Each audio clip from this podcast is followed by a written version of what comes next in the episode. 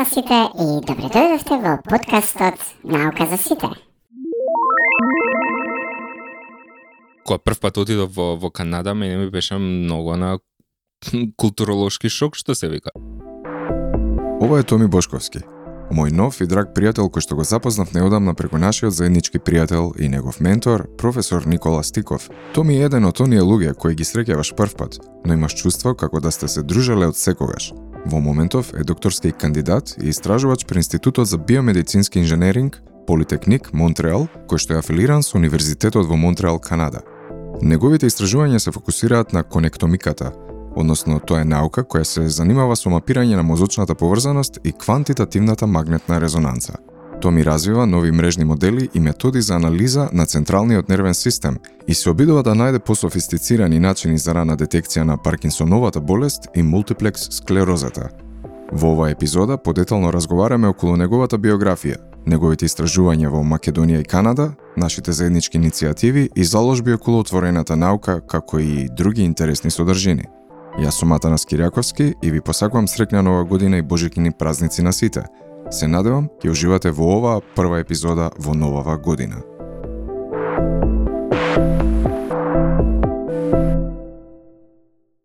Кога замина прв во, во Канада? Во Канада заминав на а, 29 или 30 а, јули 2016. Mm -hmm, добро, значи да, тоа е значи, пред 3 и пол години. Да, 3, 3 години, 3 пол, 4 години. Так. Um, замина да студираш таму, така? Да, заминав да студирам таму. Значи, и тоа беше тоа е интересна интересна приказна како како се случи сето тоа. Значи, ја брана магистерската за нова година. Не знам, имаше еден период каде што бев фонака. Не сакам да ја бранам сега, значи на 2-3 месеци, не ја бранам сега, го чекам правиот момент. И наеднаш одлучувам јас да ја бранам во 2015 година, значи завршено беше се на кој универзитет и на кој факултет само да знаат слушатели? Така, значи на универзитетот Кирило Методи, на факултетот за компјутерско инженерство, компјутерски науки и инженерство во Скопје, Финки. Така да тоа беше тој момент каде што јас ја бранам а, дипломската работа на 28 декември, значи два дена, три дена пред нова година и беше онака а, а баш во тој период аплицирам, сакав да одам надвор да ги продолжам студиите надвор и во тој период аплицирам јас за за студии надвор од Македонија. Сакав да го да го почувствувам какво е образованието и каква е науката надвор од границите на нашата земја. Така да и баш го замолив мојот ментор, професорот uh, Лјупчо Коцарев, да ми напише една препорака, пошто тогаш аплицирав, се сеќавам за даат стипендиите, што се за во Германија, парат uh, да имаш препорака, мислам дека беше од uh, тројца професори, и баш во тој момент го замолив мојот ментор да, да не заборави да ми напише препорака, и потоа завршувам магистерскиот труд и се тоа, И јас добивам повик од колегата, од Ману, ми се јавува и ми вика, знаеш што, професорот сака да зборува со тебе. И мене ми беше малку чудно за тоа што само што заминавме од професор Коцарев. Професорот Коцарев, да. Значи мене ми беше малку чудно за тоа што само што заминавме од од магистерски од обра, одбраната на магистерскиот труд. И професорот ми вика дали сакаш да одиш во Канада? И мене ми е као, да, што е работа. Не знам, ќе размислам. да, ка. Само што ве само леп да ми напишете препорака, ама секако, да, сакам да одам. И а, тука беше професорот Никола Стиков, И професорот Коцарев му... Кој што е исто мој добар пријател. Дефинитивно. така. Беше во, во тој период беше тука во Македонија и баш се потрефи да биде во во Ману дента и професорот му кажал дека имал одбрана на магистерски труд на Финки и тој магистерски труд бил поврзан со а, она што професорот Никола Стиков го работи. И така да понатаму се сретнавме ние со професорот Никола Стиков, разговаравме и одлучивме да ги продолжам моите докторски студии во Канада кај него. дадовме со стројници кај рече. Дефинитивно. Зна, кажи ми, се си кај него класа, така Да, мислам, значи- он ти е ментор Да. за докторските студии. да, значи он ми е ментор. А, на универзитетот во Монтреал беше? Да, на Универзитетот во Монтреал, поточно на Екол Политехник, а, кој што е афилиран со Универзитетот во Монтреал. Тоа е политехничката школа на Универзитетот во Монтреал. Да, да, нешто би дошло како електро кај нас, така, електротехнички. Значи не Не баш, или? не баш, значи инженерски факултет. Значи ги има а, има насоки од сите инженерски области, значи Аха, од така. биомедицинско инженерство до а, применета физика, информатика, хемиско инженерство и така натаму и така натаму. Индустријско инженерство исто така. Мислам, не ти се заблагодарив што воопшто дојда, мислам, од сега. А, знаеш како викаат, она логот, она слоганот на Баскин Робинс, ако ти текнува, Да, да, да. Eat dessert first, викаат. така, значи, изеди го десертот прво, па после Па главното после јадење. Така. Јадење, така што ние веќе, нели, го каснавме малце десертов, а така што Така. биде муаветов. И затоа, прво, да, да го поминам и тој да ти заблагодарам што одвои време што дојде. Инаку, ова е прв пат вака во, во живот, значи да, да разговарам со некого. Но, Обично, нели, интервјуата одеа преку интернет, преку Skype и преку други сервиси, но е навистина многу поинтересно и попријатно кога и поприродно кога зборуваш со некого лице в лице. Ние се запознавме токму преку нели твојот ментор, преку Никола Стихов, Така. во една серија на предавања на Финки. Држеше вежби околу програмирање во во во Python и други некои Така. елементи. Како заврши тоа? Мислам, јас бев на две предавања, ама не Така, а, заврши окей. Мислам, добивме она што го баравме од студентите. Значи, добивме одреден интерес кај студентите да да почнат да се занимаваат, односно да им го развиеме чувството за за отворена наука. Значи, предметот конкретно се викаше методологија на истражувањето во ИКТ. И целта на предметот беше да да ги запознаеме со студентите, затоа и ние дојдовме тука да ги запознаеме со студентите што со она што сега во моментов е тренд во а, во отворената наука, односно барем софтверскиот дел од е, истражувачкиот е, процес. Значи, она што, што го работевме беше Jupyter Notebooks, кој што моментално е нешто доста користено во, во истражувањето.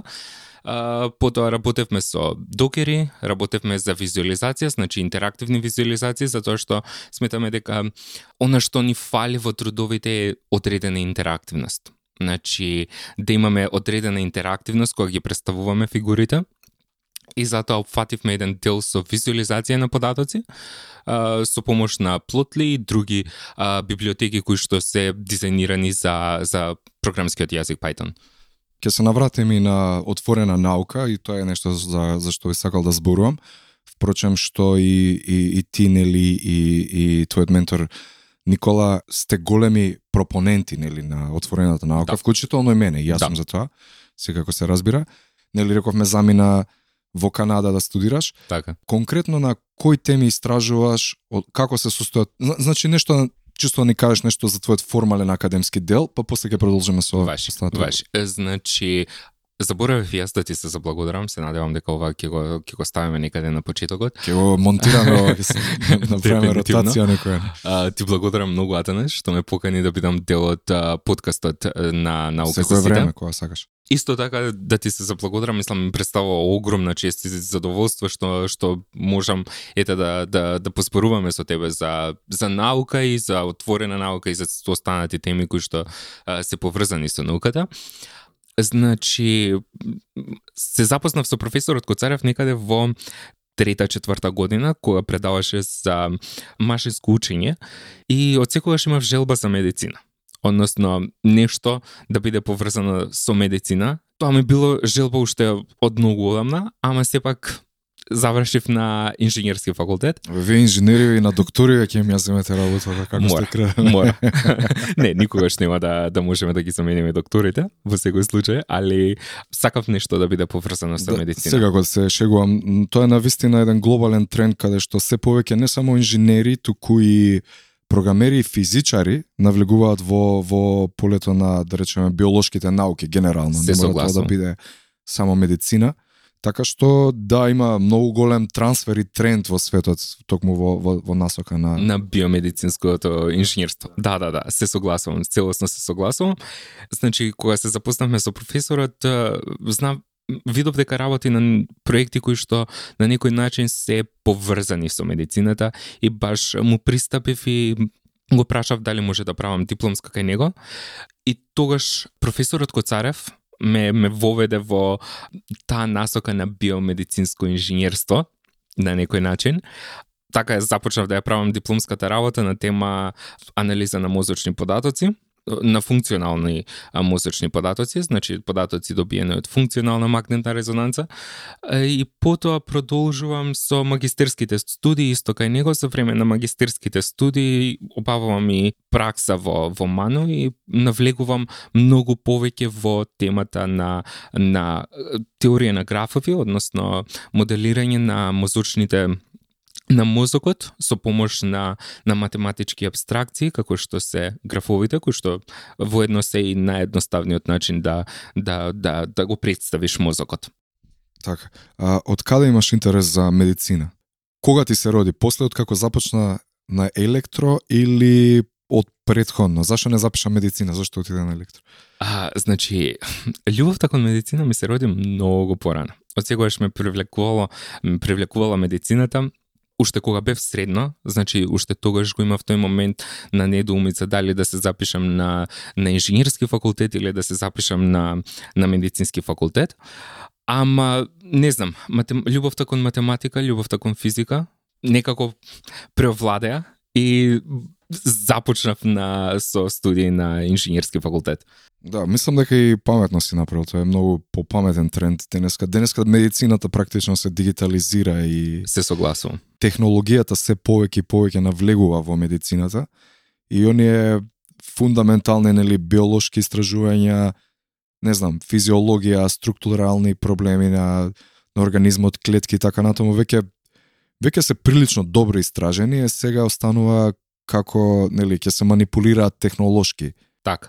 Значи, тоа е во суштина трендот во, во денешно време. Значи, медицината не е а, само медицина, односно поставување на диагноза, туку медицината почнува да станува наука која што вклучува многу други области. Значи, вклучува инженери, вклучува а, физичари, вклучува математичари, вклучува и доктори, кои што, односно лекари. Да, и ако се додадат и феномени како што се генетика на тоа, нели Се веќе согласувам. геномот е станува предмет на компјутерска анализа. Се согласувам. Дел од компјутерските науки е практично Така. повеќе отколку од медицината. Така. За за да стигнеш до одреден, да речеме, до одредена диагноза или за одреден третман да дефинираш, потребно ти е прво да направиш една компјутерска анализа на таа проблематика, па да дојдеш до тоа.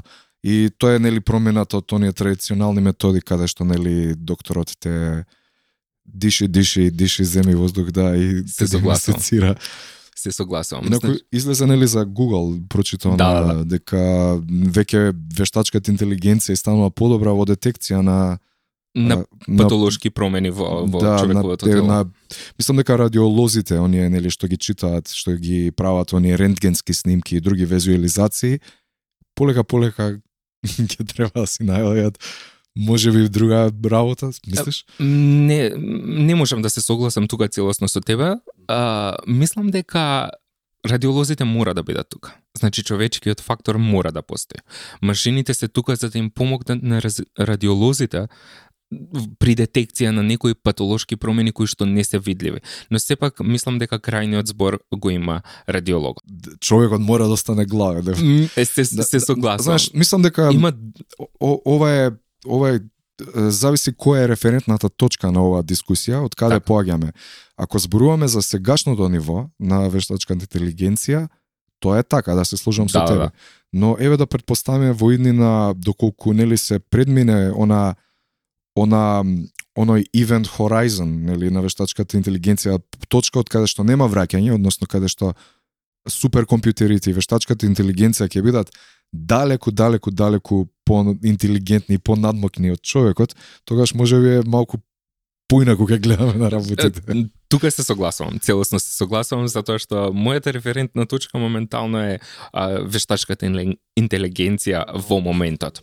А понатаму секако, секако дека роботиката, вештачката интелигенција ќе ќе превземе многу а, многу работи на да, на своја да, рака. Да, да, да, да, да, да видиме. Мислам има две две спротивставени гледишта, некој вика дека нели таа ќе се развие во независен ентитет практично, кој што ќе го надмине нели човекот.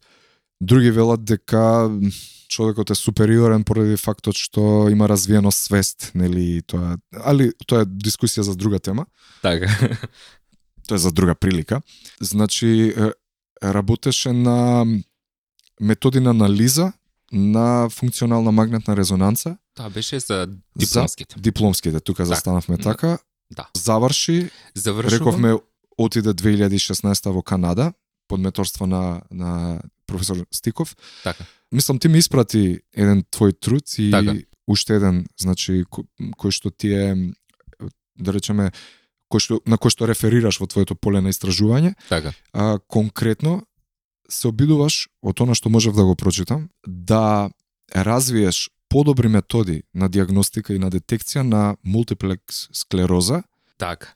Значи, моментално работам на воведување на мерењето миелин, односно информацијата за миелин во конектомот. Досега сите они, досега билдањето на конектомот, односно правењето на конектомот се заснова само на податоци добиени од дифузија. Значи, со помош на дифузионите податоци, односно како водата се движи во, во мозокот, ние имаме можност да да изградиме индиректна слика за патиштата во мозокот, односно како регионите се поврзани меѓу себе. тоа е дефиницијата за конектом за Так. за слушателите кои што не се добро Так. запознае. Така, Конектом е како групи на неврони се поврзуваат со други групи на неврони. Так. Нешто како да речеме кога ќе видиме мапа и на неа има онака реки, патишта и така натаму. тука ги имаме патиштата и градовите, како градовите се поврзани меѓу себе. Да визуализираме чисто да.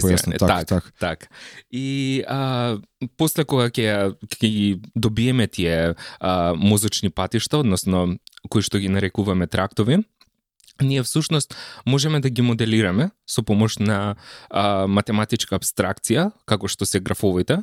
Графот а, да појасниме малку за за слушателите, графот е всушност а, множество од а, а, нодови, односно Точки во мрежата. точки во да. мрежата, да речеме, точки во мрежата, односно темиња и врски кои што ги поврзуваат а, овие темиња. Е сега, бидејќи во мозокот има три типа на на поврзаност, значи има структурна или анатомска поврзаност, која што се однесува на вистинските анатомски патишта кои што ги поврзуваат различни центри во мозокот, односно делови од сивата материја. Потоа имаме функционалната поврзаност, која што на некој начин ни кажува кои региони се активни при извршување на одредена а, задача. И а, четвр... третата, односно, третата, а, третиот тип на поврзаност во мозокот е ефективната поврзаност, од, која што а, ги, го мери каузалниот ефект, односно последич, причинско-последичниот а, ефект, а, односно кој регион се активира како последица на активацијата на некој друг регион. И така да конектомот на почетокот се појавува, мислам конектомиката како наука се појавува некаде во 2005 година, значи Олаф Спонс го воведува зборот а, конектом, за прв пат во, во неговиот труд, а, со цел да реферира на а, структурната, односно анатомска а, поврзаност на а, на мозокот. Е сега да се навратам малку на графовите, значи во како што кажав предходно, графот е математичка структура составена од темиња и врски кои што ги поврзуваат овие темиња, односно региони. Во во ако направиме паралела со мозокот, односно ако ги примениме во мапирање на мозокот, во тој случај а, темињата ќе ни представуваат региони во сивата материја, односно делот каде што се наоѓаат невроните, а врските ќе ни се однесуваат во зависност од тоа кој тип на на поврзаност, на мозочна поврзаност го анализираме, врските може да ни представуваат анатомски врски кои што ги пре, по, поврзуваат регионите, односно трактови, може да ни поврзуваат ам, корелацијата во, во случај на функционална поврзаност или каузалниот ефект а, доколку станува збор за ефективна поврзаност. Така, само за слушатели да мислам дека им е познато, сива материја и бела материја нели на мозокот Така. се генерално синоними за сивата материја е оној процесорски дел на мозокот, тоест телата на самите неврони и да речеме и нивните уши, дендритите и така натаму. дендритите се во, во а, се нарекуваат сиви затоа што најверојатно при боење и при обсервација повеќе се нели кон таа нијанса, додека белата материја на мозокот е всушност се каблите кои што произлегуваат Так. од Так, од тие процесори и генерално ги опфаќа нели аксоните, така наречени аксоните. оние главни кабли кои што излегуваат од телото на на невронот кои што спроведуваат нели информацијата понатака и бели се затоа што Затоа што миелинот им ја дава белата боја. така нивната обвивка, нивната, Нивната така наречена обвивка, миелинска обвивка е бела. Затоа Так, што е изградена так. нели од липиди. од липиди. Липидите се оние делови кои што го облу... мислам миелинот е липидна структура која што го обвиткува а, аксонот и му ја дава белата боја. Исто така миелинот е доста значаен во во трансферот на информација, односно колку ефективно, колку ефективен ќе биде трансферот на сигналот од еден неврон до друг неврон. Така, да, од сите кои што имале искуство нели со со користење на кабли, подебел Така. кабел, подобра изолација, Подобра изолација. подобар сигнал, така, помала загуба на Дефинитивно. сигналот, така, дефинитивно.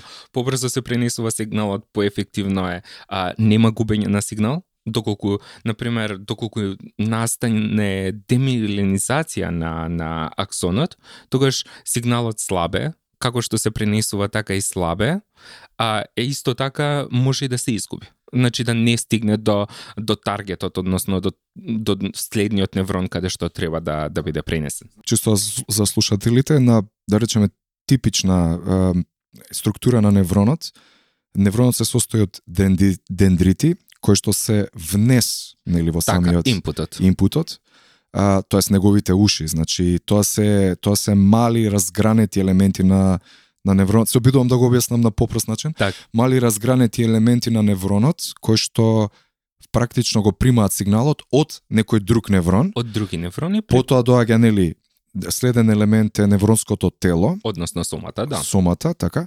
И а, последниот елемент на невронот, на типичен неврон, нели, е аксонот. Тоа е еден издолжен кабел кој што произлегува од телото на невронот и кој што е практично практично устата, да речеме, практично говорот на невронот кој што го пропагира сигналот подоцна кон другите неврони. Так. И, и тоа е еден, да, циклус, еден И систем. заборавивме да ги спомнеме, има уште последниот дел, односно аксонски завршетоци, Така, односно синапси. Синапсите, така. Да. Тие се исто така доста а, доста интересни затоа што тие се всушност контактни, контактните точки каде што еден неврон се спојува со со друг неврон. Така, и зошто го збориме ова, зошто се обидуваме да опишеме анатомијата на невронот, е токму затоа што а, ова што го истражуваш ти, а, мултиплекс склерозата, Така. е последица на а, намалување токму на таа миелинска обвивка на тие аксони, на тие кабли кои што ја изнесуваат информацијата од невронот. Така.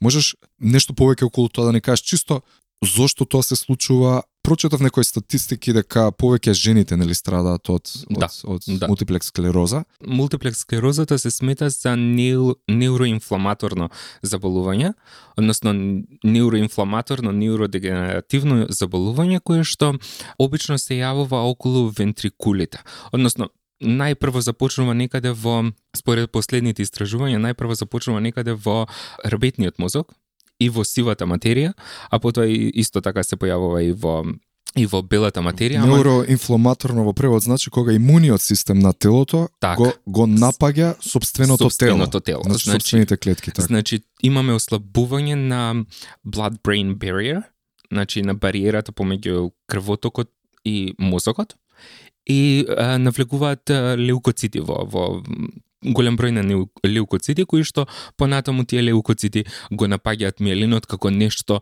што е страно, Значи погрешно го детектираат како како не антиген, како Так. нешто туѓо, да. И, Так. и практично се обидуваат да го одбранат организмот Так.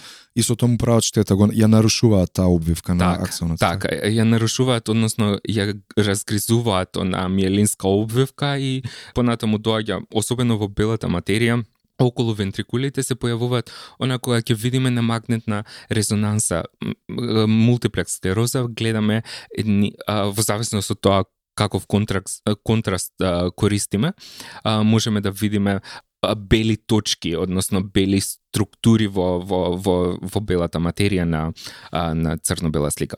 Така и последиците од тоа е што невронот веќе ја губи нели способноста да комуницира практично со другите неврони Така. и тоа се рефлектира на бихевиорално ниво, значи луѓето губат способност да ги контролираат своите мускули во зависност нели Така, во зависност од од- делот каде се наоѓа лезијата во, во Да. мозокот, а, се појавуваат различни симптоми. Многу често а, се појавува губење на видот, доколку е е афектиран, односно афектиран, да.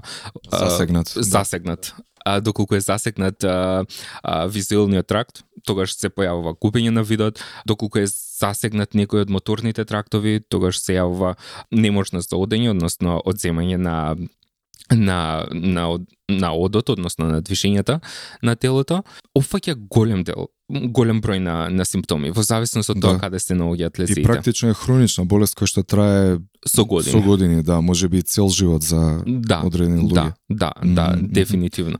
Но сепак а, тука има и и еден интересен а, дел, она што го забележуваме на на магнетната резонанца а, е тоа што после појавувањето на на лезијата поминува одреден период и се случува ремеленизација, односно постојат повеќе типови на, на мултиплекс склероза, така да во зависност од типот на мултиплекс склероза се појавува и ремеленизација, односно Се обнова се обновува миелинската обвивката. обвивка, ама сепак како и се во организмот и тоа е некое малку поинако поинакво ткиво, тип на лу, лузна ткиво кое што Так. нели не е не е она оригинално ткиво кое што било Так. предходно, така да. так, так. Тоа мислам ам, да, многу е слично со нели кога некој ќе се исече на на, на кожата и ќе му остане лузна, практично на некој начин кожата се поправила, се репарирала, но ткивото кое што го било одговорно за тоа не е истото, потполно исто ткиво како и претходно. Да, да, да. Се Се затоа го се нарекуваат лузна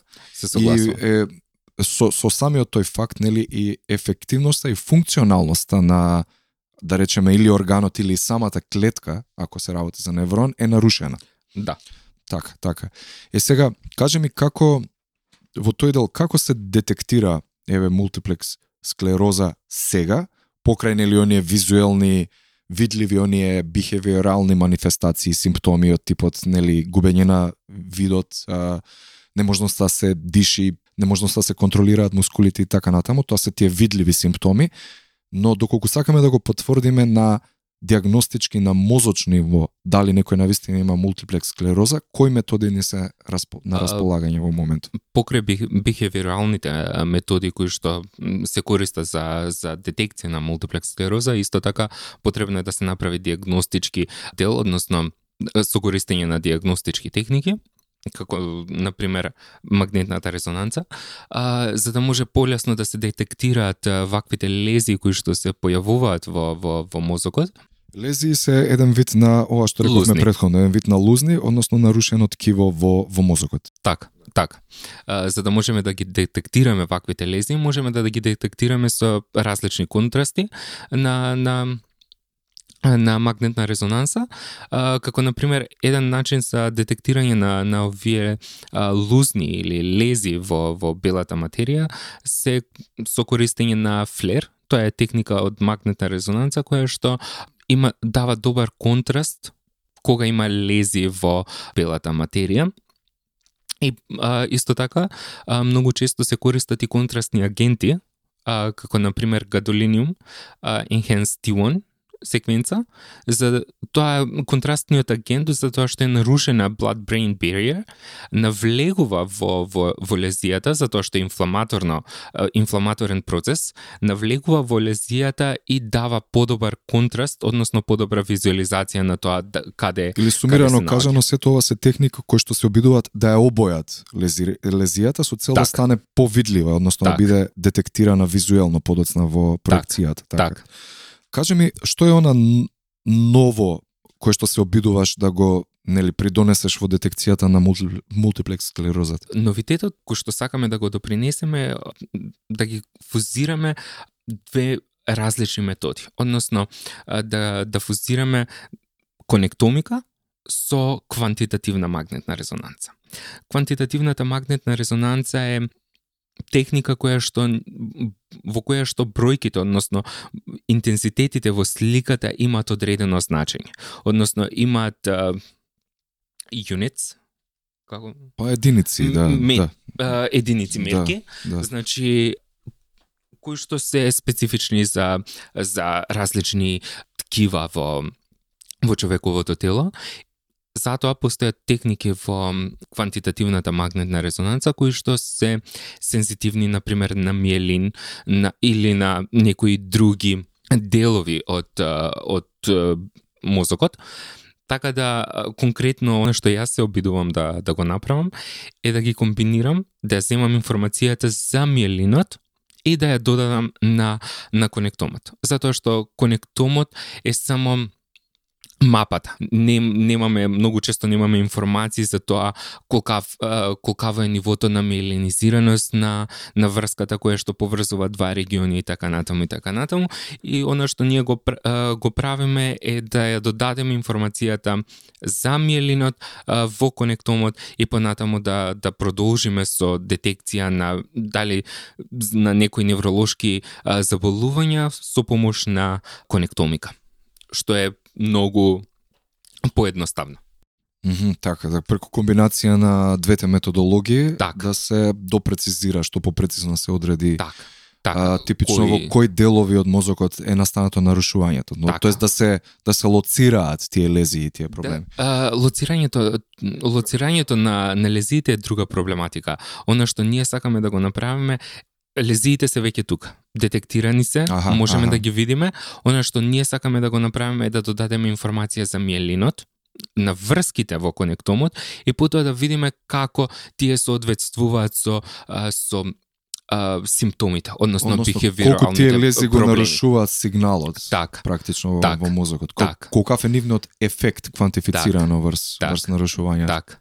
И понатаму, на пример, со, со користење на, на техники кои ш, за е, трансфер на информација низ, низ мрежата, да одредиме колкаво ќе биде доцнењето или е, доцнењето на сигналот кога патува од еден регион до, до друг регион. Така, податоците кои што ги користиш во твоите анализи се добиени тука кај нас или во Канада? Значи, податоците конкретно ако зборуваме за мултиплекс склероза се добиени од Италија, значи од наши соработници од А, така. Италија Мгм. во на универзитетот во Сиена. Да, спрашувам затоа што сепак е малку нели бара поголема технологија тоа сето да се детектира, да се организира, да се Така. добијат таквите Така, податоци, така. така што Так, дефинитивно. не не сум сигурен дали кај нас воопшто имаме таков капацитет за Мислам дека имаме. Да? Мислам дека имаме. Мислам дека имаме затоа што еве сега на пример имаме 3-4 скенери само во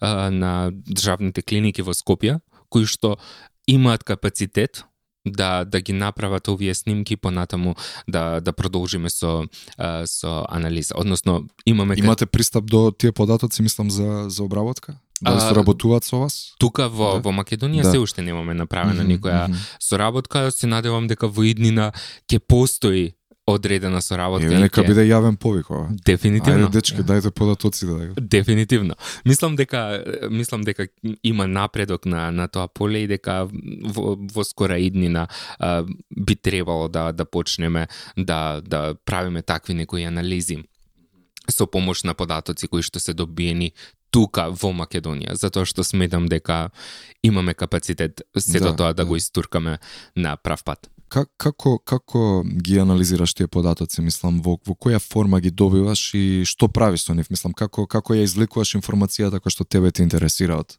Така, е, значи, а, како ги добиваме податоците? Податоците ги добиваме во а, како ро податоци, односно Да, како сурови, сирови податоци. сирови да. податоци на на Необработени податоци. необработени, потоа со користење на софтвер кој што го имаме развиено во нашата лабораторија, QMR Lab се вика, развиен е од лабораторијата Neuropoly, каде што и практично јас работам во, во моментот, каде што мојот ментор е е, кодиректор на лабораторијата, значи ние развивме софтвер кој што ќе направи а, фитување на на податоците кои што ги добиваме од магнетна резонанца и ќе ќе направи од ќе до, да добиеме односно кога ќе ги направиме фитување на податоците да добиеме квантитативна мапа која што а, во во даден Фит случај. еден вид на прилагодување на податоците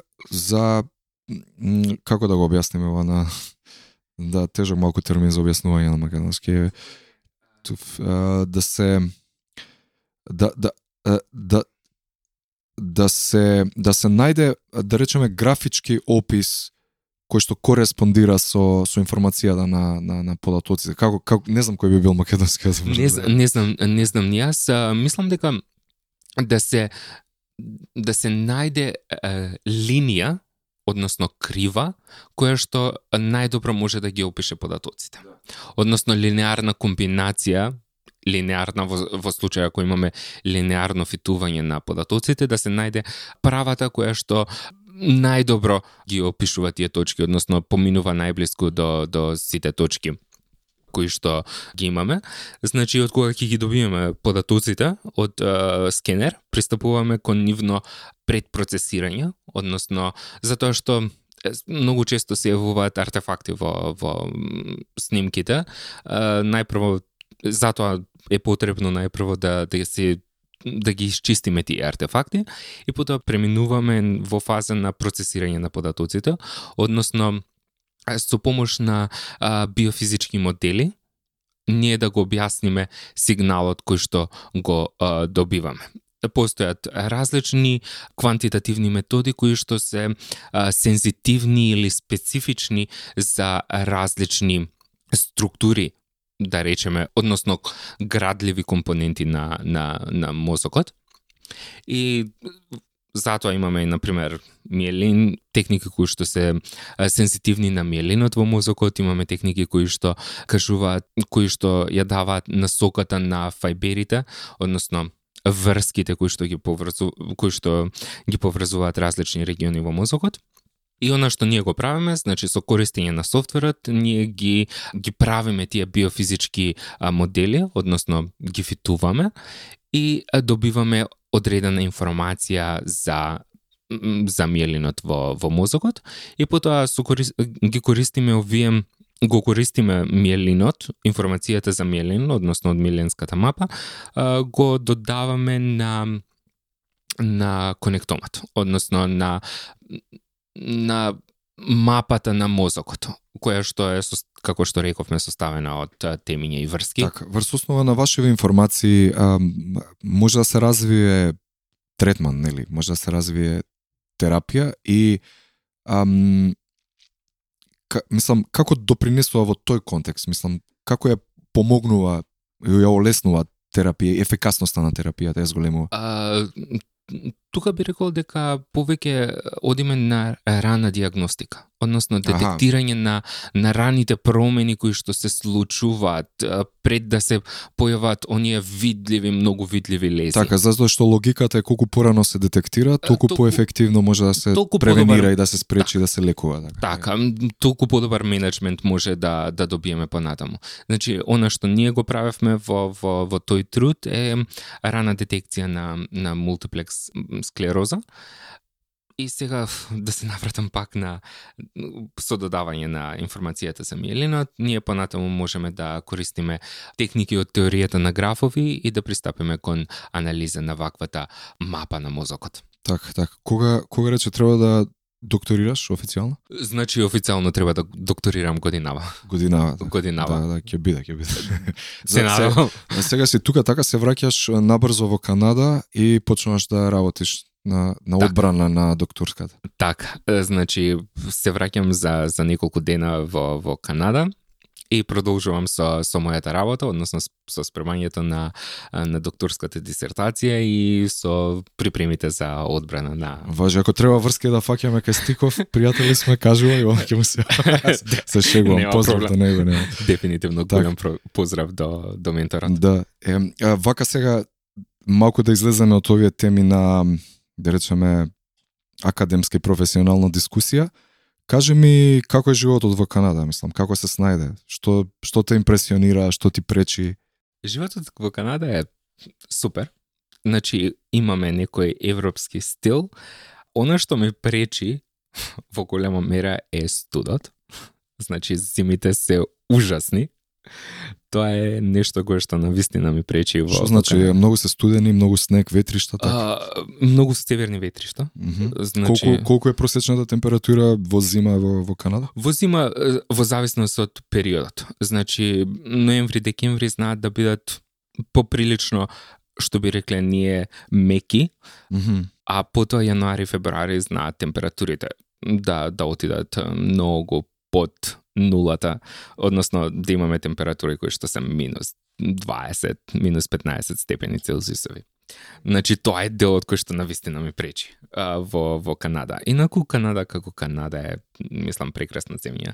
А, има многу работи кои што може да се видат во во Канада и тоа е Има и и голема убаво. македонска заедница таму така. Да, да, има голема македонска заедница. Таа македонска заедница е повеќе во Торонто, односно во област Онтарио. Таму се наоѓаат голем дел на, на македонци, таму е центарот на македонската диаспора во, во Канада. Во делот каде што сум ја, во, во Квебек, односно во Монтреал, не знам дали има толку голем број на, на македонци кои што Слушав некој таму. подкасти, мислам дека беше Джо Роган, не се сеќавам, токму коментира на тоа дека чувството кога се оди во Торонто е многу потопло, луѓето се многу погосто примливи, многу попријатни отколку во Монтреал. Тоа беше нивниот заклучок, дали е тоа така? Дефинитивно. Имаш печаток дека би се согласил тука, да. Мислам, топли се и, и во генералност се топли и квебечаните. Значи, топли се како луѓе, ама а, се големи националисти. во смисла спојаќе се франкофони? Е, Се, франкоф, се Да. франкофони, односно, многу си го ценат јазикот и културата. Францускиот јазик, Францускиот да. јазик, да. А, значи, моментално сега, еве, воведуваат некои нови закони за за зачувување на францускиот јазик, затоа што мислам дека тоа е, е единствената или една од малкуте територии во во Канада или области во Канада која што во која што се зборува францускиот јазик. Зборуваш француски? Да, да, Да? зборувам. од- она на кое ниво да на академско ниво би можел да да А, пишуваш, да читаш да? Е, Да, пишувам, Браво. читам француски, а, исто така имав а, можности да предавам на, на француски, значи да држам а, вежби на, на француски. научи за три години кога тука или од претходно не, научи? значи имав научено од предходно, Е, додека да, бев добро, тука, значи од а, од основно, средно, потоа поминав во Алианс Франсе и така да постојано гледање имаш на Да, да, да. така да го знае францускиот, мислам не fluently, да. ама го знае францускиот. Може да parle pas français. Океј, Excusez-moi. паде проблем, паде проблем. Јас малку учев во кога бев на, универзитет. Мислам дека еден семестар така. А, мислам дека добро ми идеше. Ги знам оние Tetovo, Je m'appelle Athanas, euh, euh, C'est ça. je, euh, je, je suis euh, le Macédon, Je suis un Macedon. Macédon, Macédon, така како се Macedon. вика, да. О, Ама уште не го немам она Р, Р. француското Р.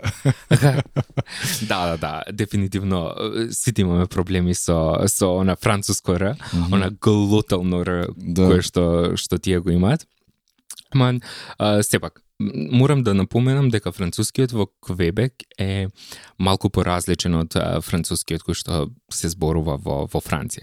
И дури французите кои што доаѓаат на, на студии или работа во Квебек, на почетокот имаат мали проблеми при разбирањето кога им зборува некој да, од вид а, на диалект се, се развил независно од таму. Да, Дефинитивно. Да, да, да, да. Има примеси на англиски.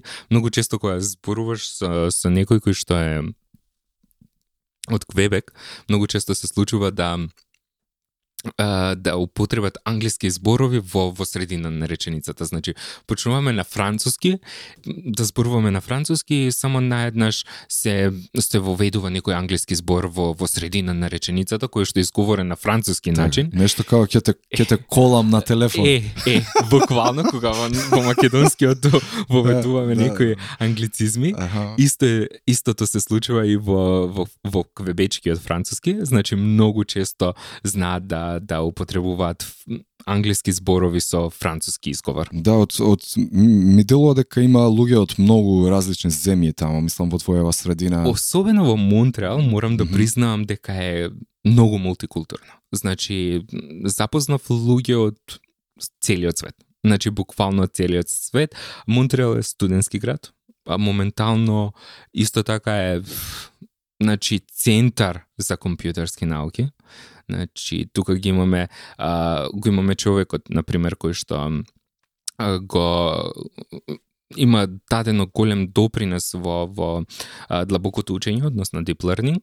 Значи тоа е Джошуа Бенджио, кој што е еден од основачите на на на на deep learning.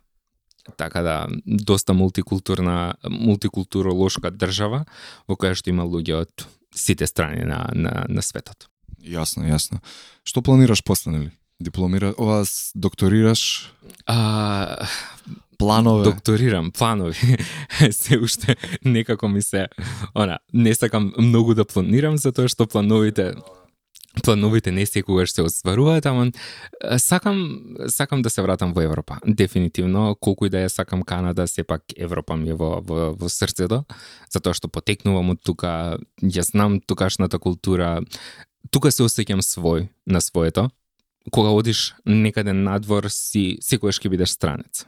Никогаш нема да се да се почувствуваш како некој кој што е роден таму, кој што живеел таму, кој што има истата култура и гледишта како а, како луѓето кои што се таму родени и живеат таму од малиност. Така да сакам да се вратам тука во Европа. И сега дали тоа ќе биде Македонија? Многу би сакал да се вратам. Ама планираш да продолжиш со истражување, така да, Да, работиш да, на да, научно-истражувачка работа. Да, да, принцип. дефинитивно, Мгм, дефинитивно. Да, да, да. Значи, на почетокот на нашиот разговор спомнавме отворена наука. Може ли да ни објасниш што представува отворена наука и што конкретно во моментов работите во таа насока, нели?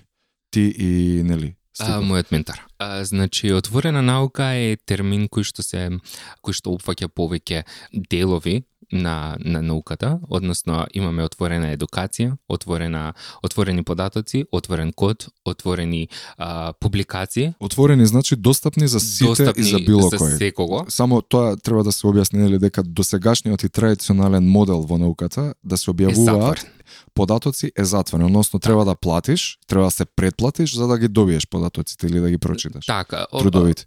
Така, значи моменталниот модел, мислам, досегашниот модел на а, публикување на на трудовите, научно-истражувачките трудови е затворен, односно а, кога ти го пред ти го пишуваш трудот, го предаваш на а, компанијата која што а, треба да го издаде и таа компанија го затвора, односно ги има сите права и за да можеш ти да го прочиташ понатаму трудот или било кој да може да го прочита трудот, треба да се предплати на списанието, да плати одредена сума на пари или да се да да го купи пејперот за да може да го да го чита.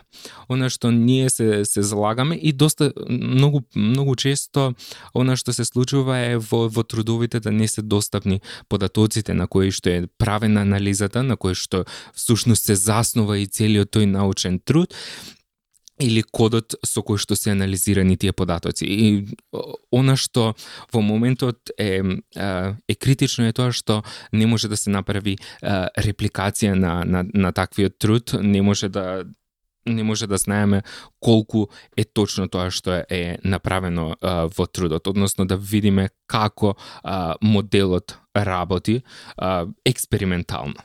И со помош на податоците да можеме да направиме репликација и репродусибилност. Така, значи, чисто само да објасниме за слушателите кои што не се занимаваат активно со наука, тоа значи дека кога некој нели научник публикува одредено тврдење, одредена теза, која што ја истражил на одреден начин. Практично, веднаш во науката тоа не се зема здраво за готово дека е така, бидејќи научниците типично се многу скептични и е, типично нели мора да помине низ неколку репликации, односно повторување, односно кога некоја независна, да речеме група на научници, би го прочитала овој труд и би се обидала да го повтори со истите методи, да речеме, но со различна популација на некое друго место на планетата и доколку ги добие истите резултати, тоа ја зголемува веројатноста тврдењата во тој труд да бидат вистинити. Так. И да се прифатат веќе како научен факт. Так. А, но сегашниот модел на публикација на податоците во науката не го дозволува, односно не го, не го прави барем процесот лесен за повторување. Значи, затоа што луѓето немаат, односно научниците немаат пристап до самите оние што ги нарековме роу или сирови податоци кај нивните колеги некаде, некаде во Так. некоја друга лабораторија и со самиот тој факт не не постои можност правилно или прецизно да се реплицира, односно да се повтори истата студија на некое друго место. Така. И отворената наука всушност една од главните главните двигатели на на на или цели, нели? или да- цели да. на отворената наука е да се добие поголема репликабилност и репродусибилност на на самите истражувања, односно со користење на на нови податоци и старите податоци да се испитаат а, колку методот кој што е предложен или техниката која што а, се предложува во научно-истражувачкиот труд дава исти резултати со користење на исти податоци, односно на на податоците с- кои што се користени за да се изгради научно-истражувачкиот труд кој што е публикуван и со нови податоци да видиме дали а, и како тој метод се однесува на на нови податоци. Тоа се реплика, рекли, репликабилност и репродусибилност за ова што го збориме, да. за ова што го спориме. А, и практично вие во, во вашата иницијатива нели за отворена наука мислам, го зборувам како вашата иницијатива. Тоа не е, мислам, ваша иницијатива, Така, вие сте дел од таа глобална светска, да, иницијатива. глобална.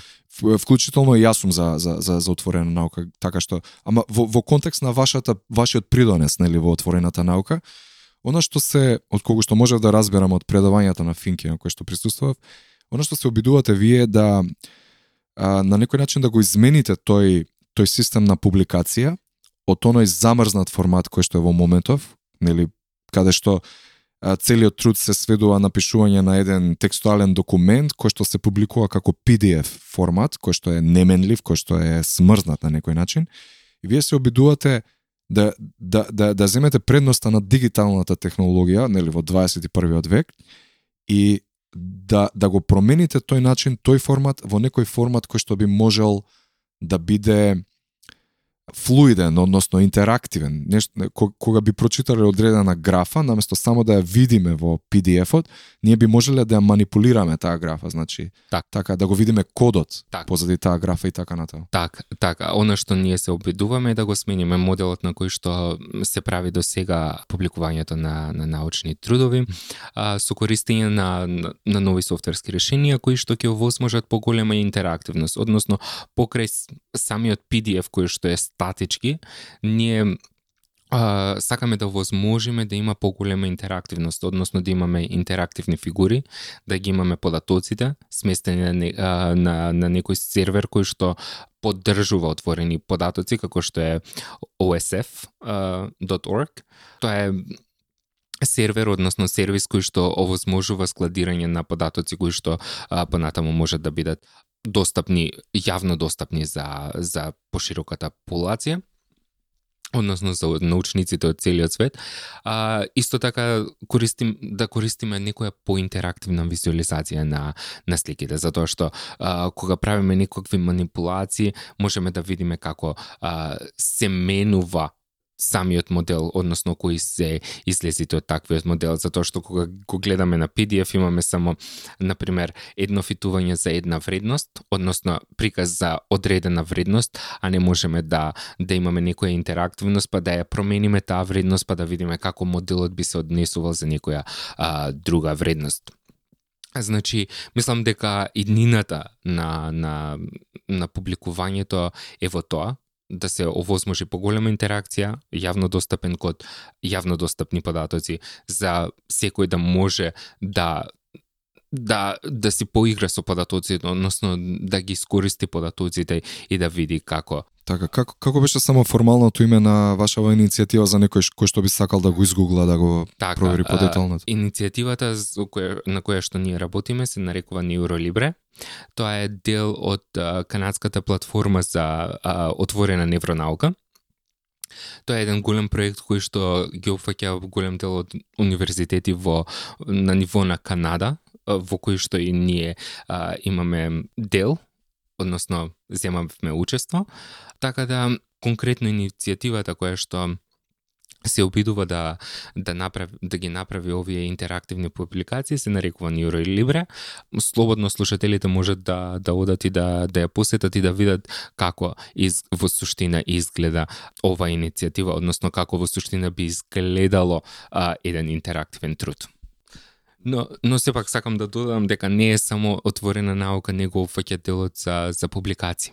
Значи, тука станува збор за тоа што доаѓаме од од Македонија. Тука немаме доволно ресурси, ресурси, значи многу често универзитетите не ни се предплатени на на некои од научните списанија. Зато е тука Сайхаб. Затоа е тука Сайхаб, дефинитивно. Јас секогаш така на, на, на сите овие, нели, на нели и професори и студенти со кои што имам интеракција во земја, секојаш кога ќе го кажат.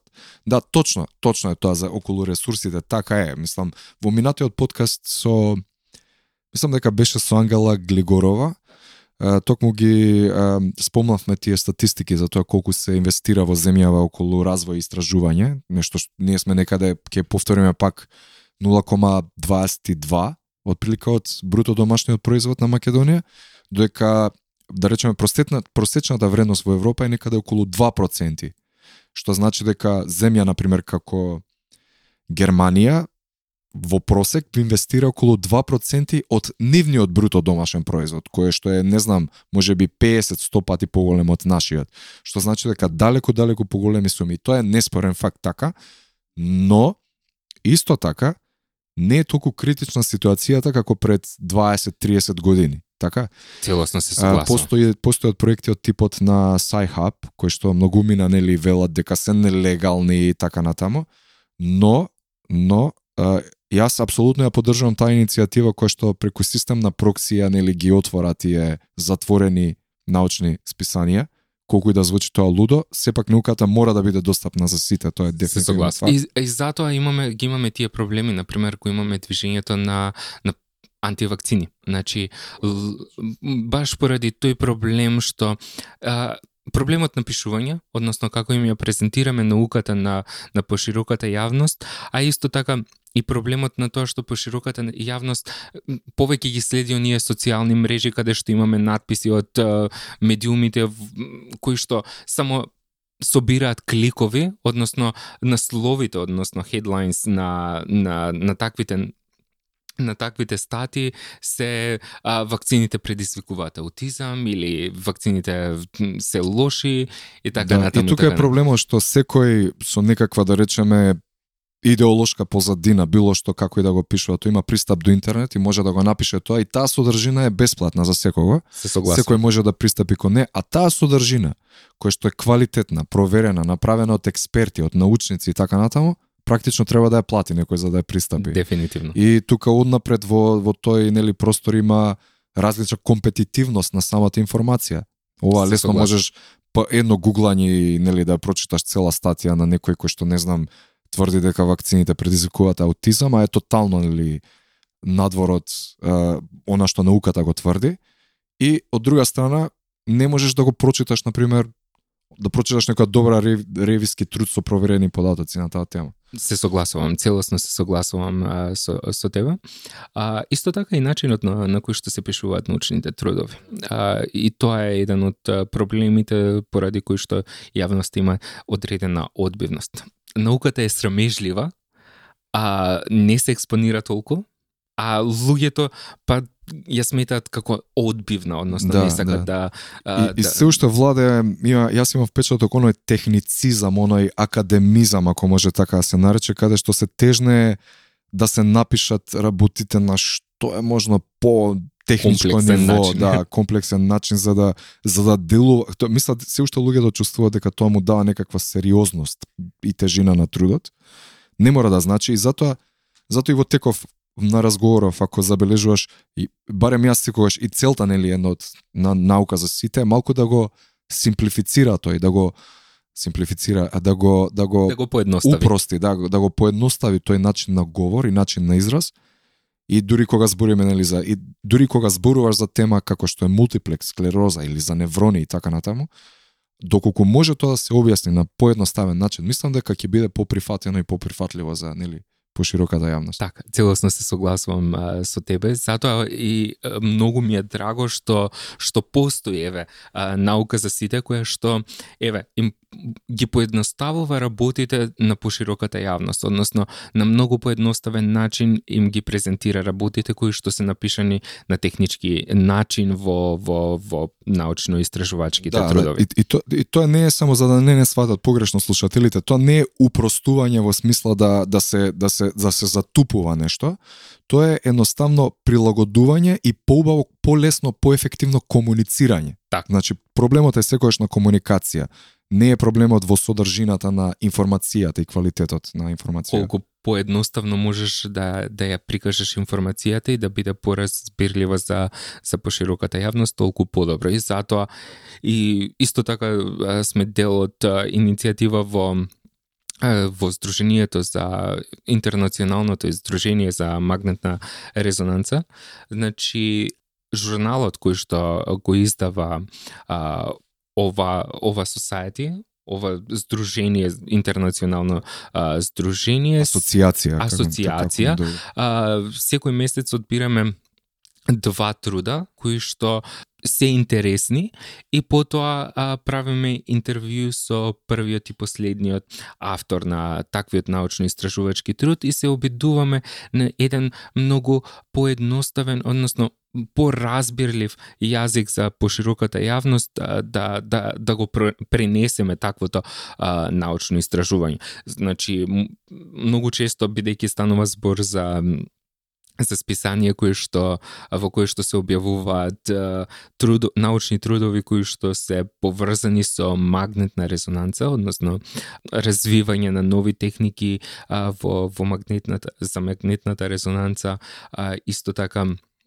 анализи и развивање на секвенции кои што даваат различни контрасти. Значи тука имаме физика, доста физика и обично а, тоа што се случува со со широката јавност имаме некаква одбивност. Тоа сум го забележал и тука имаме одредена одбивност кон а, физиката и математиката и некако делува абстрактно.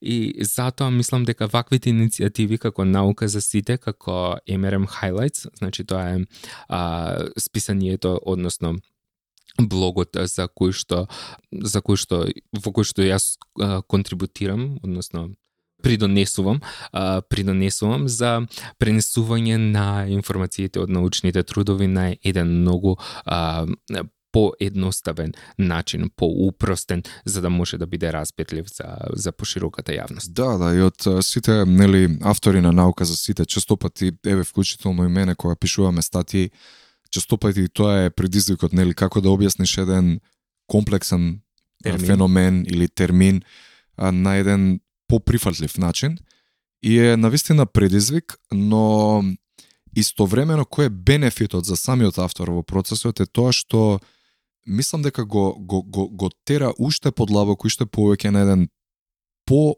а, да речеме, едноставен начин да си го представи уште подлабоко да го разбере проблемот при обидот нели да го раскаже и да го пренесе на други.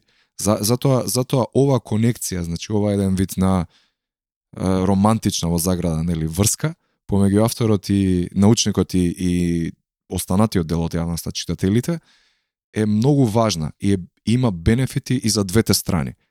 И научникот повеќе, значи, навлегува во темата, се обидува да ја разбере подлабоко со поинакви зборови и самата публика, нели, го разбира јазикот, нели, на кој што комуницира таквиот научник.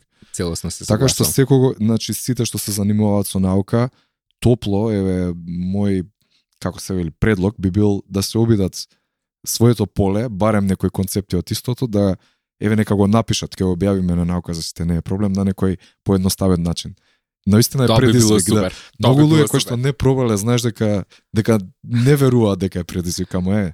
голем предизвик е. А, значи, а, освоивме прва награда, е втора награда, имавме задача да да го објасниме да објасниме некаков термин, значи Интернационалното здружение за магнетна резонанца во медицина објави еден повик за надпревар да се креира видео, односно анимација или на некој начин видео кое што кој што ќе се обиде да го објасни даден феномен, термин, односно она што ние го работиме, на многу едноставен начин кој што ќе биде разбирлив за ученик во средно да во средно образование. Значи представува голем предизвик кога зборуваме за некој значи ние зборуваме за комплексни феномени од квантна физика, од биолошки науки, од мозок и сите тие работи, да можеш да го објасниш на на студент кој што е средно, кој што само што започнува да се а, запознава со со физиката на едно малку повисоко ниво. Така да, тоа е навистина голем предизвик, а исто така голема улога играат и блоговите. Значи, блоговите се, се нешто кое што мислам дека доста користи. Исто така, конкретно за, за софтверот кој што го развиваме во нашата лабораторија, направивме веб страна на која што имаме блог, каде што објавуваме ги објавуваме овие интерактивни тетрадки, интерактивни Jupyter тетрадки, за кои што се исто така корисни при едукација. Значи, предходно бев вклучен во развивање на интерактивен курс за за дифузија. А, значи, ќе се навратам малку а, наназад. Она, она што го споменав предходно кога зборував за отворена наука е тоа што а, не секогаш имаме пристап до до да одиме на конференции, особено кога доаѓаш од а, земја како што е а, во развој, односно кога доаѓаме од земја во развој, а, тогаш не секогаш имаш а, доволно средства за да одиш на, на, на конференции. И а конференциите се интернационални конференции се разбира а конференциите се места каде што всушност имаш можност да ги видиш последните достигнувања во науката. И затоа а, имавме една интересна иницијатива заедно со Сдруженијето, односно со Едукациониот комитет на Сдруженијето за магнетна интернационалното Сдружение за магнетна резонанца да креираме интерактивни курсови а, од научници кои што се лидери во во полето. Значи доколку сакате еве конкретно да да да го видите тој да го видите тој курс како изгледа, можете да одите на интернационалното на блогот на интернационалното сдружение на за магнетна резонанца во медицина и да да да имате пристап до а, информации, односно до едукативни материјали, видеа кои што се направени од а, научници кои што се експерти во полето и лидери во во, во полето. Веќе спомна нели луѓето како да имаат некоја одбивност или незаинтересираност кон науката, посебно. Сметаш дека тоа е мислам нашата премиса е дека научниците на некој начин не комуницираат нели добро со пошироката публика и на тој начин остануваат неразбрани. Значи, дали сметаш дека тоа е проблемот во комуникацијата или пак проблемот е во суштинската природа на науката, која што е која што бара, нели, малку поголем умствен напор да да се да и, и нели и логика и, и и знаење и упорност и истражување и пред се и љубопитност. Како мислиш дека поефективно би можела да се скрши уште повеќе таа бариера помеѓу, тоест да се подобри имиджот на научниците или на науката кај пошироката јавност? Отворена наука. Тоа е тоа е тој дел кој што може да да го подобри љубопитност, односно да да го потикне човекот да да да ја разбере науката, односно да се потруди да ја разбере науката, исто така и образованието. Образованието мислам дека игра клучна улога во во развојот на на индивидуата како индивидуа и доколку им го пренесеме на, на студентите, на идните студенти, на сегашните студенти, оно што ние го знаеме и доколку им, им ја представиме науката на малку поедноставен начин, на, на начин кој што а, студентите може да го разберат, ќе биде многу многу подобро. Односно, ќе ќе ја немаме таа бариера а, која што денеска ја имаме кај пошироката популација. Да, да се служам со тебе отворена наука, да, затоа и го поддржувам тој концепт, но мислам дека не е доволен. Не е доволен. Отворена наука е само еден сегмент на, на таа проблематика, односно идејата позади отворена наука е еве ви ги информациите. Така? Так. Се е транспарентно, можете да се видите. Так. Но од моје искуство онака сваќам дека луѓето не им е доволно, значи само да имаат пристап до информација. Значи треба нешто плюс, треба нешто екстра тука за да за да ги мотивираат луѓето да истражат таа информација. Денеска практично многу информација, мислам, денеска не е проблемот на оскудност на информација, туку е проблемот на а, премногу информација Так, да се селектира на информацијата. селективноста и така. И а, едноставно да се мотивира некој да да да да земе и да да анализира таа информација. да работи. Значи, Значи- отворена наука е правилен чекор во таа насока, но мене тука ми е поентата повеќе на некое си, да речеме, психолошко ниво. Така. Што би било атрактивно за еден читател, за или конзумер нели на тој материјал да да Моje Твоја моje интерпретација, размислување на на на на ова би било а, интерактивноста. Колку поинтерактивно с- биде направено затоа што ние луѓето сме визуелни суштества. Она што ќе го видиме, значи мора да биде интересно, мора да биде визуелно убаво, за да ние го восприемиме многу побрзо и да го разбереме. Односно, колку поинтерактивно е, е направено научното истражување, односно со интерактивни фигури, со со код, со со сите тие примеси кои што контрибутираат да, за односно допринесуваат за за поубав изглед на на истражувањето, мислам дека тоа во голема мера а, ќе ги потигне и младите кои што мислам студентите да да почнат да се занимаваат односно да се интересираат за наука. Значи а, интерактивноста, да, ест, естетик- интерактивноста, естетиката, естетиката. естетиката. М. Мислам дека тоа, а исто така и а, начинот на кој што им се пренесува а, информацијата а, од страна на професорите и тоа игра доста голема улога во во тоа колку некој ќе почне да се занимава со наука. Затоа и како што споменавме предходно тука во Македонија, на пример, немаме доволно средства за да се занимаваме со наука и затоа тука се оди повеќе на на индустрија, односно она што што се учи на на на факултетите е повеќе за за индустријска примена отколку за за наука. Затоа што мислам дека науката во конкретно во Македонија не е толку привлечена затоа што нема пари во, во, во науката тука и затоа и младите одбегнуваат на некој начин, односно ствараат некаков гард да, да, да се занимаваат со наука стрикно како професор, нели, кој што работи на универзитет, диспропорционално е твоето знаење и твоите способности практично со а, твојата плата, у суштина. Дефинитивно. Муабетот ми беше дека мора некако да се смени перцепцијата кон, кон, кон науката, да се свати дека науката е алатка за решавање на проблеми. Како што и за, нели, постигнување на поголеми цели. Како што, на пример, парите, самите по себе немаат физичка и суштинска вредност, значи тоа е парче хартија, но ти овозможува да направиш нешто, така да да завршиш некоја работа, да си купиш нешто што ти треба. Значи тоа е ресурс, една алатка со која што исполнуваш, решаваш проблеми и остваруваш цели.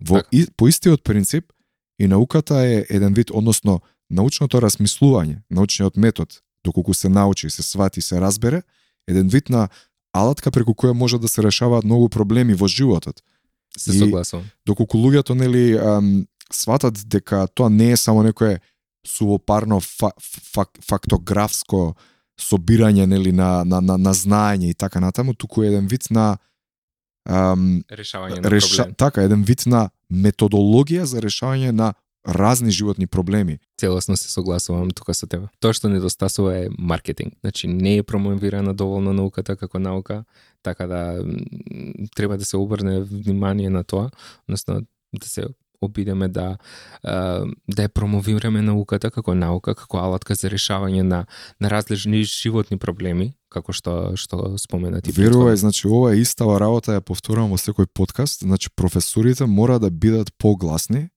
мора да бидат не само професорите и научниците, значи и студентите. Сите. Значи мора да се биде погласен, мора да се наметне тој стил на живот во јавноста.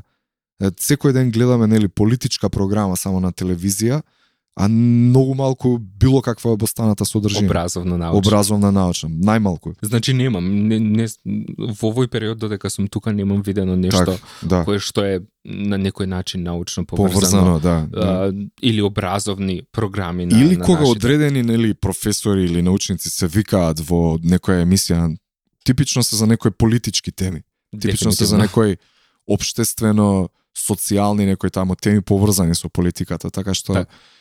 Да се сложувам апсолутно и а, не знам не знам зошто стварно луѓе што се бават со наука имаат некоја таква инхибиција да нели и, и, и самодоверба едноставно да излезат и да и да го кажат да го кажат тоа тоа. гласно. Да, да, да. Се согласувам тука целосно со тебе.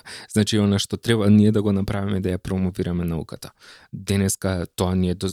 мислам ги имаме сите услови за да можеме да го направиме тоа. Значи ги имаме социјалните медиуми, Значи, ден, во денешно време ние сме зависни од социјалните медиуми. Тоа е медиум преку кој што ние можеме да правиме маркетинг на, на производот кој што ние го нудиме, во, во нашиот случај тоа е науката. Доста често користиме Twitter. Значи, конкретно мојата група а, во, во, на Универзитетот во Монтреал, многу често и мојот ментор воедно е доста, доста активен на Twitter, односно каде што најчесто го користиме конкретно јас и мојот ментор најчесто го користиме тоа за за работа, односно за промовирање на на некои нови научни достигнувања, на промовирање на на отворената наука, на репродусибилност, репликабилност и така натаму. Значи, мора е, во поголема мера, значи, покрај социјалните медиуми мора да, да воведеме не, малку да ги смениме и медиумите кои што се класичните, мислам, класичните е медиуми телевизија, како да, да. што е телевизијата, да имаме малку повеќе научни програми кои што ќе ги привлечат младите, односно уште од најмала возраст некако да да навлезат кон науката и подобро да ја раз, да ја, да ја разберат, да ја перцепираат науката и понатаму Да, и полека Да се полека се, занимаваат. воведува се повеќе и повеќе она што се вика нели под компјутерски подпомогнато образование или computer aided education. така. Кај кај нас не е доволно, значи не е доволно само да донесеш компјутери. Ка, то ти, исто како си донел куп компири. Ако ако не ги излупиш, ако не ги испржиш, така џабе ти се таму компјутерите, џабе ти се компирите во училница. Така. Така што компјутерски подпомогната едукација или образование значи покрај описменување или употреба на компјутери да се развиваат содржини кои што ќе може нели да се дистрибуираат преку таквите преку компјутерите, односно ова што го викаш интеракција и и да се развиваат разни други критички и програмерски и технички вештини кај кај студентите. Не е доволно само да се воведат компјутери ако некој ги користи Се за согласувам. за браузање само на, на Се согласувам. Се согласувам.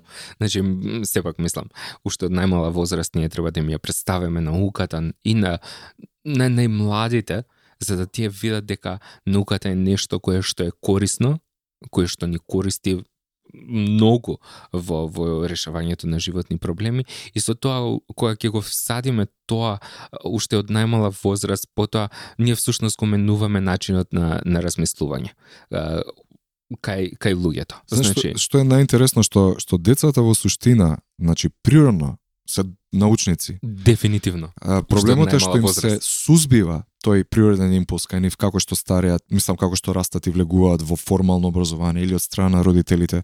Типично дете дете сака да истражува. Значи тоа е тоа е еден вид формулира хипотеза за нешто, нели тоа е се несвесно. Хипотеза во негов случај значи интерес. Формулира интерес, љубопитно е, значи има целата мотивација да оди и да го истражи, односно да научи нешто ново, но некако тоа таа природна тенденција како да се потиснува во текот на на години. на годините, Што е да. парадокс во случајов, нели? Дефинитивно. Значи едноставно треба не да ги научиме децата затоа што тие веќе природно го носат тоа, туку да им овозможиме уште понатака да го развијат Се согласувам. тој импулс природен кој што доаѓа со нив. Се согласувам, целосно се согласувам со тебе тука. Мислам дека треба да обрнеме внимание на тоа. Значи, а, конкретно за природните науки, а, како што реков, треба да имаме одредени лаборатории. Еве, на пример, во, во голем број од школите низ Македонија, не знам дали има некои лаборатории или дали има некои лабораториски часови а, в- дури во основните училишта, затоа што е, мислам дека тој е тој период каде што а, почнува да се сузбива на љубопитност кај кај децата. И како што кажав, ние сме визуелни суштества, односно сакаме да да да да ги видиме нештата за да подобро ги разбереме, така да мислам дека со со инвестирање во во тој а, домен мислам дека можеме да да да постигнеме да учениците, односно понатаму а, пошироката популација подобро ја Да, восприема Така, науката. така. Точно во едно општество изложено на премногу информации, значи во едно престимулирано општество и научниците за жал мора да се изборат за за внимание. Значи секогаш е борба за тоа. Дефинитивно. Да. Дефинитивно. А, е па Томи, не знам дали дали заборавивме, пропуштивме нешто да разговараме денеска во официјалниот дел од подкастот. Ние си имаме и неофицијален си правиме мове, само не ви го кажуваме тоа, нека си остане малку тајна. А, но нели нема да биде ова последен пат. Тука сме, кога ќе се вратиш во Канада, имаме можности нели технолошки да се поврзаме да продолжиме за одредени теми, да дискутираме.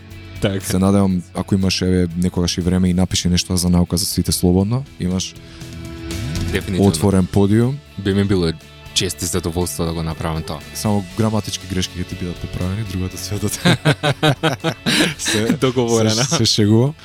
Така што уште една стварно фала ти што одвои денеска време. А, фала и на, на вас што ме поканивте да бидам дел од, од подкастот. Навистина ми е задоволство кој што гледаме една ваква иницијатива во, во Македонија, односно доплешување на науката до пошироката популација.